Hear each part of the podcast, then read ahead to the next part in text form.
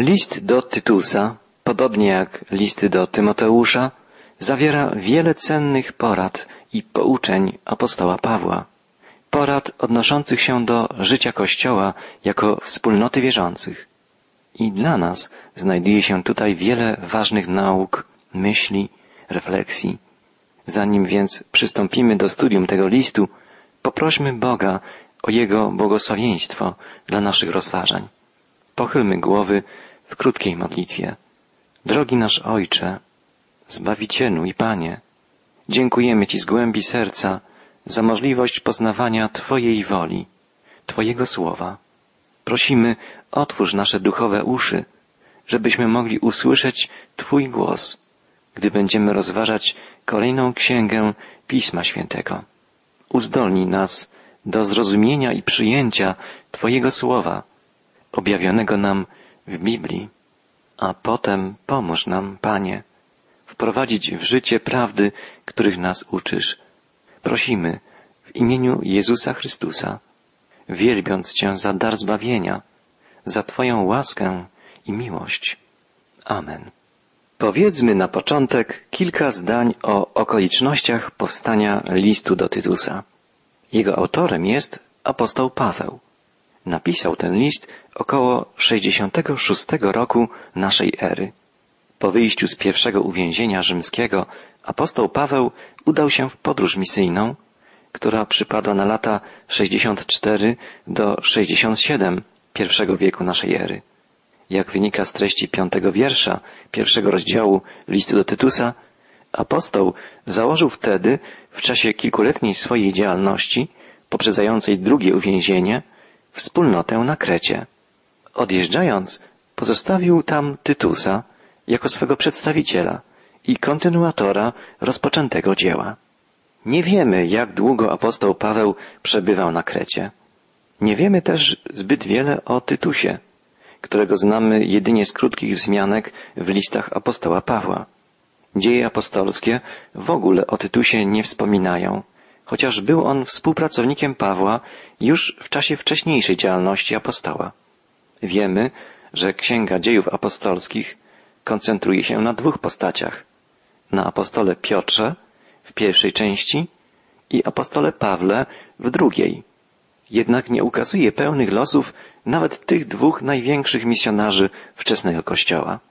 Autor dziejów apostolskich, Łukasz, starał się bowiem opisać przede wszystkim zwycięski pochód Ewangelii poprzez świat. Nie koncentrował się na postaciach ludzi, nawet tych największych, apostołów, lecz na działaniu Ducha Świętego, dzięki któremu Ewangelia rozprzestrzeniała się i powodowała gwałtowny rozwój Kościoła Jezusa Chrystusa. Dzięki zawartej w liście do Galacjan relacji Pawła z Soboru Apostolskiego w Jerozolimie wiemy, że już wtedy Tytus towarzyszył Pawłowi. Apostoł przedstawił w Jerozolimie Tytusa jako wzór nienagannego chrześcijanina, nawróconego z pogaństwa. Tytus był też współpracownikiem apostoła w czasie jego trzeciej podróży misyjnej. Był kurierem przekazującym listy Pawła Koryntianom i był bardzo użyteczny dla apostoła w czasie jego wielkiej kampanii misyjnej w Efezie. Wkrótce po pozostawieniu Tytusa na Krecie apostoł Paweł napisał do niego list zawierający wskazówki, jak opiekować się tamtejszą młodą wspólnotą chrześcijan. Porównajmy przez chwilę postać Tytusa z Tymoteuszem. Tymoteusz i Tytus byli młodymi przywódcami Kościoła. Byli przygotowani do służby kaznodziejskiej i duszpasterskiej przez apostoła Pawła. Obaj nawrócili się dzięki Pawłowi. To on przyprowadził ich do Chrystusa. Apostoł nazywa zarówno Tymoteusza, jak i Tytusa synami, synami w wierze. Do obydwu napisał Paweł listy. Znane są nam dwa listy do Tymoteusza i jeden do Tytusa. Nazwano je listami pasterskimi, dlatego, że apostoł udziela w nich Tymoteuszowi i Tytusowi wiele cennych rad, pouczeń, wskazówek, jak opiekować się lokalną wspólnotą Kościoła. Listy pasterskie są także dla nas dzisiaj źródłem fundamentalnych prawd odnośnie organizacji i funkcjonowania kościołów lokalnych. Mamy dzisiaj wiele książek na temat organizacji Kościoła. W Piśmie Świętym znajdują się tylko trzy krótkie listy omawiające ten temat. A jednak właśnie listy do Tymoteusza i list do Tytusa zawierają to, co Kościołowi jest najbardziej potrzebne. Mówią bowiem nie tyle o metodach zarządzania Kościołem, co o głębszych, duchowych kwestiach związanych z funkcjonowaniem Kościoła. Nie wiemy zbyt wiele ani o Tytusie, ani o Tymoteuszu. Z tonu listów Pawła możemy jedynie odgadywać, że Tymoteusz był człowiekiem bardzo wrażliwym, potrzebował ciągłej zachęty, ciągłego wsparcia. Natomiast Tytus był bardziej samodzielny, silniejszy psychicznie, bardziej odważny i zdecydowany. Tymoteusz był synem Żydówki i apostoł obrzezał go, o czym wiemy z relacji dziejów apostolskich. Natomiast nie dopuścił do obrzezania Tytusa, który był poganinem z pochodzenia.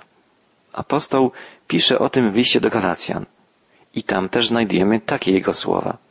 Ani obrzezanie, ani brak obrzezania nie ma znaczenia, tylko to, by zostać nowym stworzeniem w Jezusie Chrystusie.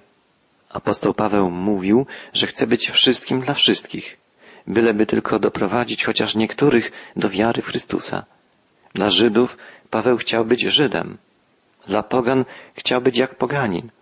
Obrzezał Tymoteusza, by móc wraz z nim nauczać w synagogach.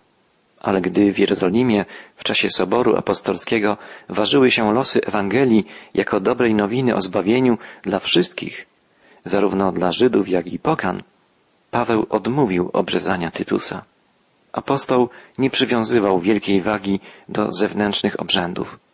Istotę chrześcijaństwa widział w żywej, osobistej więzi wierzącego człowieka z Jezusem.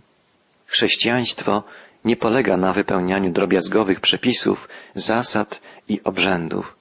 Chrześcijaństwo to życie na co dzień w bliskiej, osobistej więzi z Jezusem Chrystusem.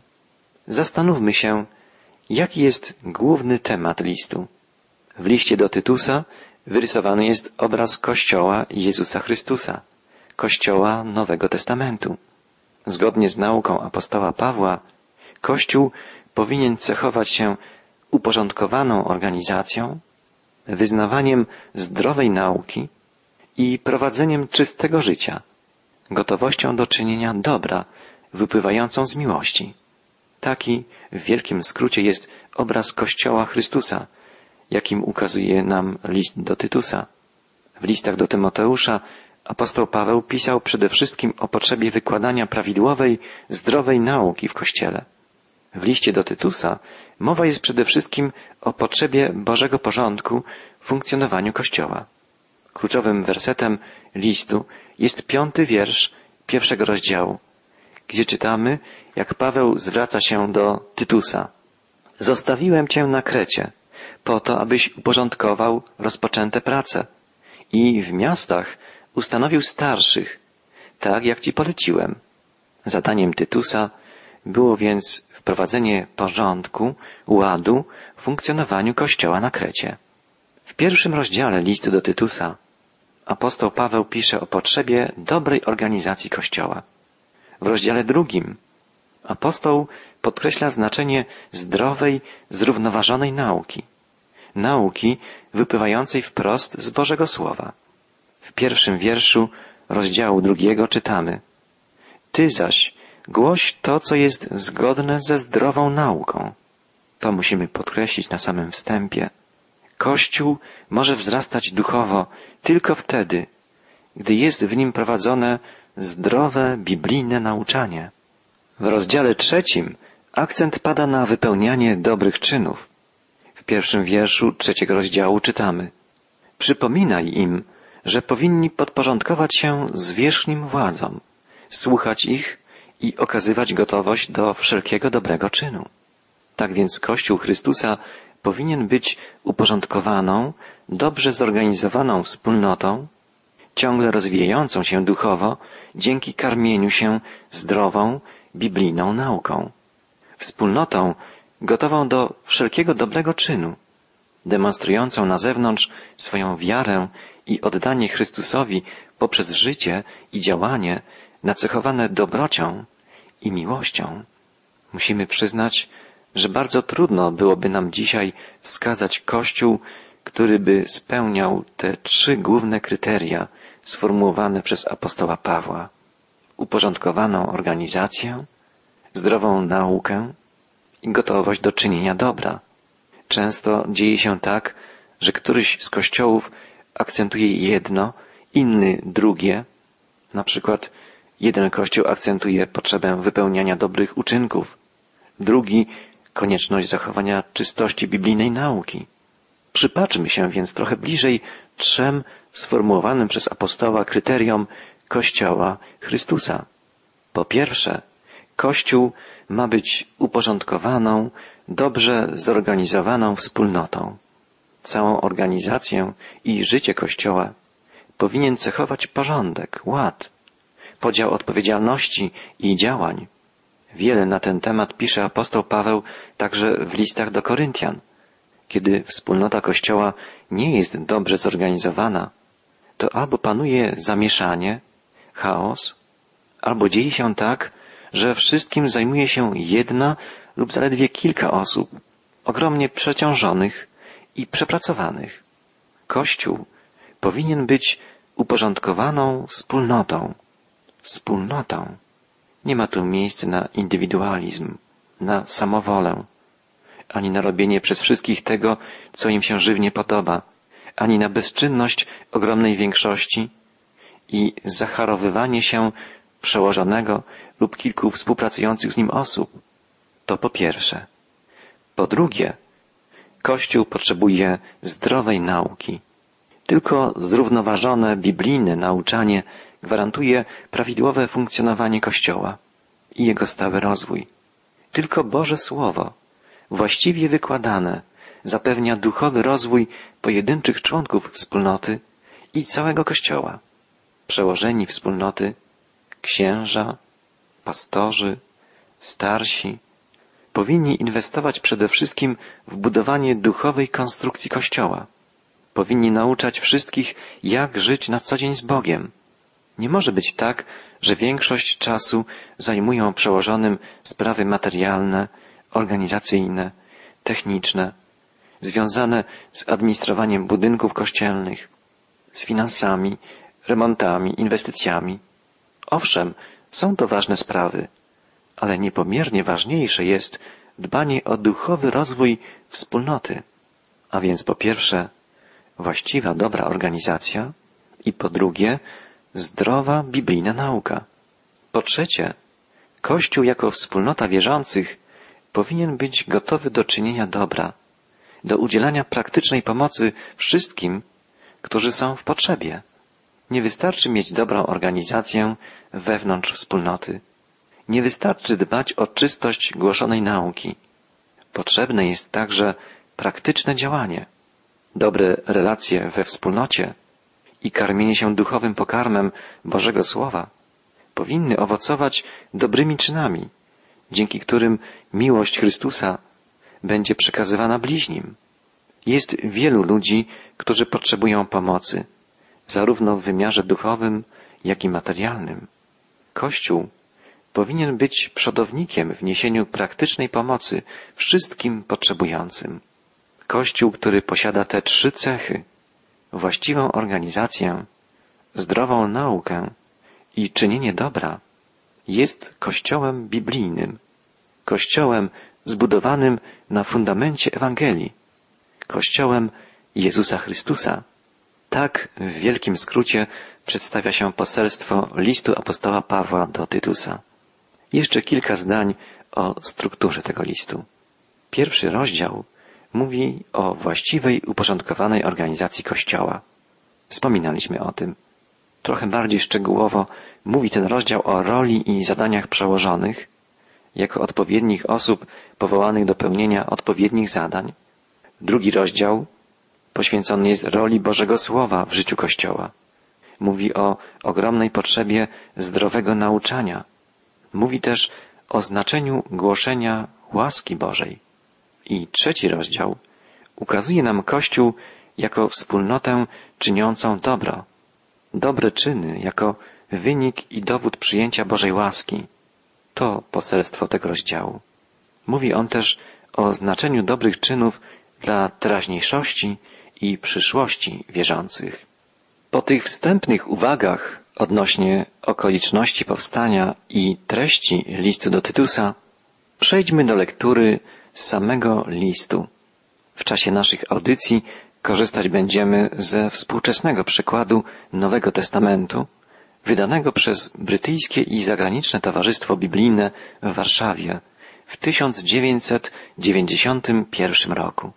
W początkowych wierszach listu czytamy Ja, Paweł, sługa Boży, którego posłał Jezus Chrystus do wybranych i poznali prawdę godną najwyższej czci, mam pewność wiecznego życia.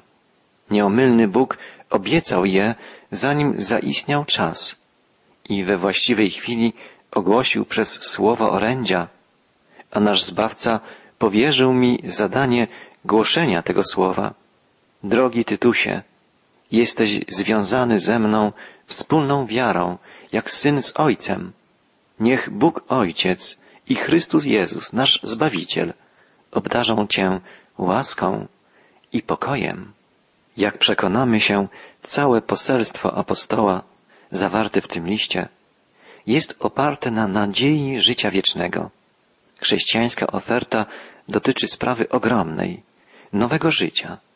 Wyrażenie życie wieczne, które pojawia się w pierwszych słowach listu, pojawia się potem wciąż na nowo w całym liście, a także na wielu kartach Nowego Testamentu. Przy czym słowo wieczne jest tłumaczeniem greckiego słowa aionios. W ścisłym znaczeniu określenie to przysługuje tylko jednej osobie we wszechświecie, a jest nią sam Bóg.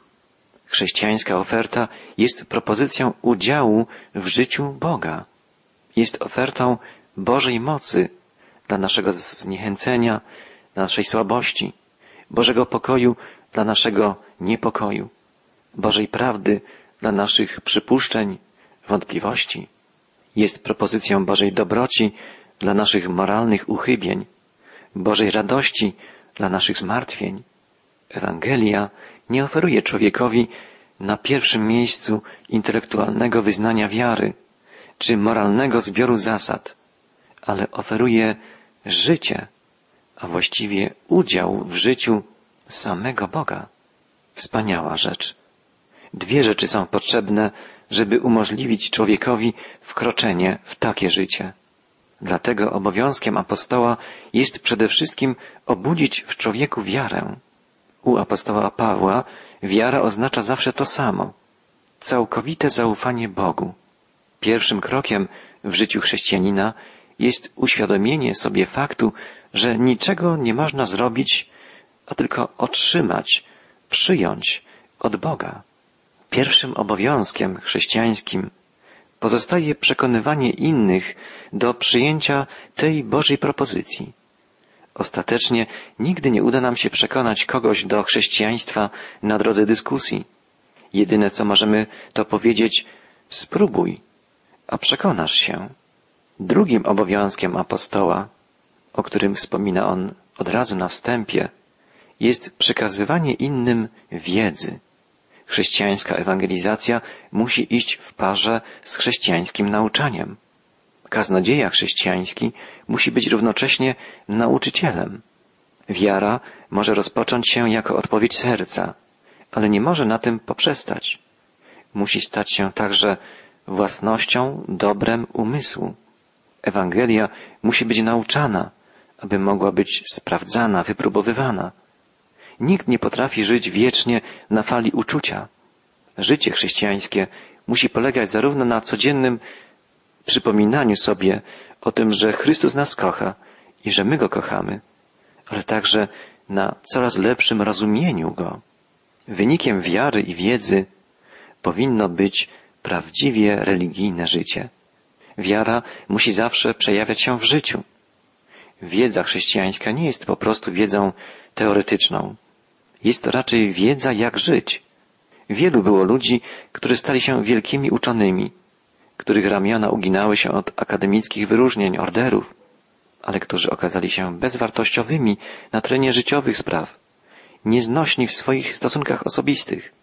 Życie prawdziwie pobożne to takie, w którym człowiek żyje we właściwym odniesieniu do Boga, do siebie i do bliźnich. To życie, w którym człowiek potrafi stawić czoła zarówno wielkim wydarzeniom, jak i codziennym obowiązkom.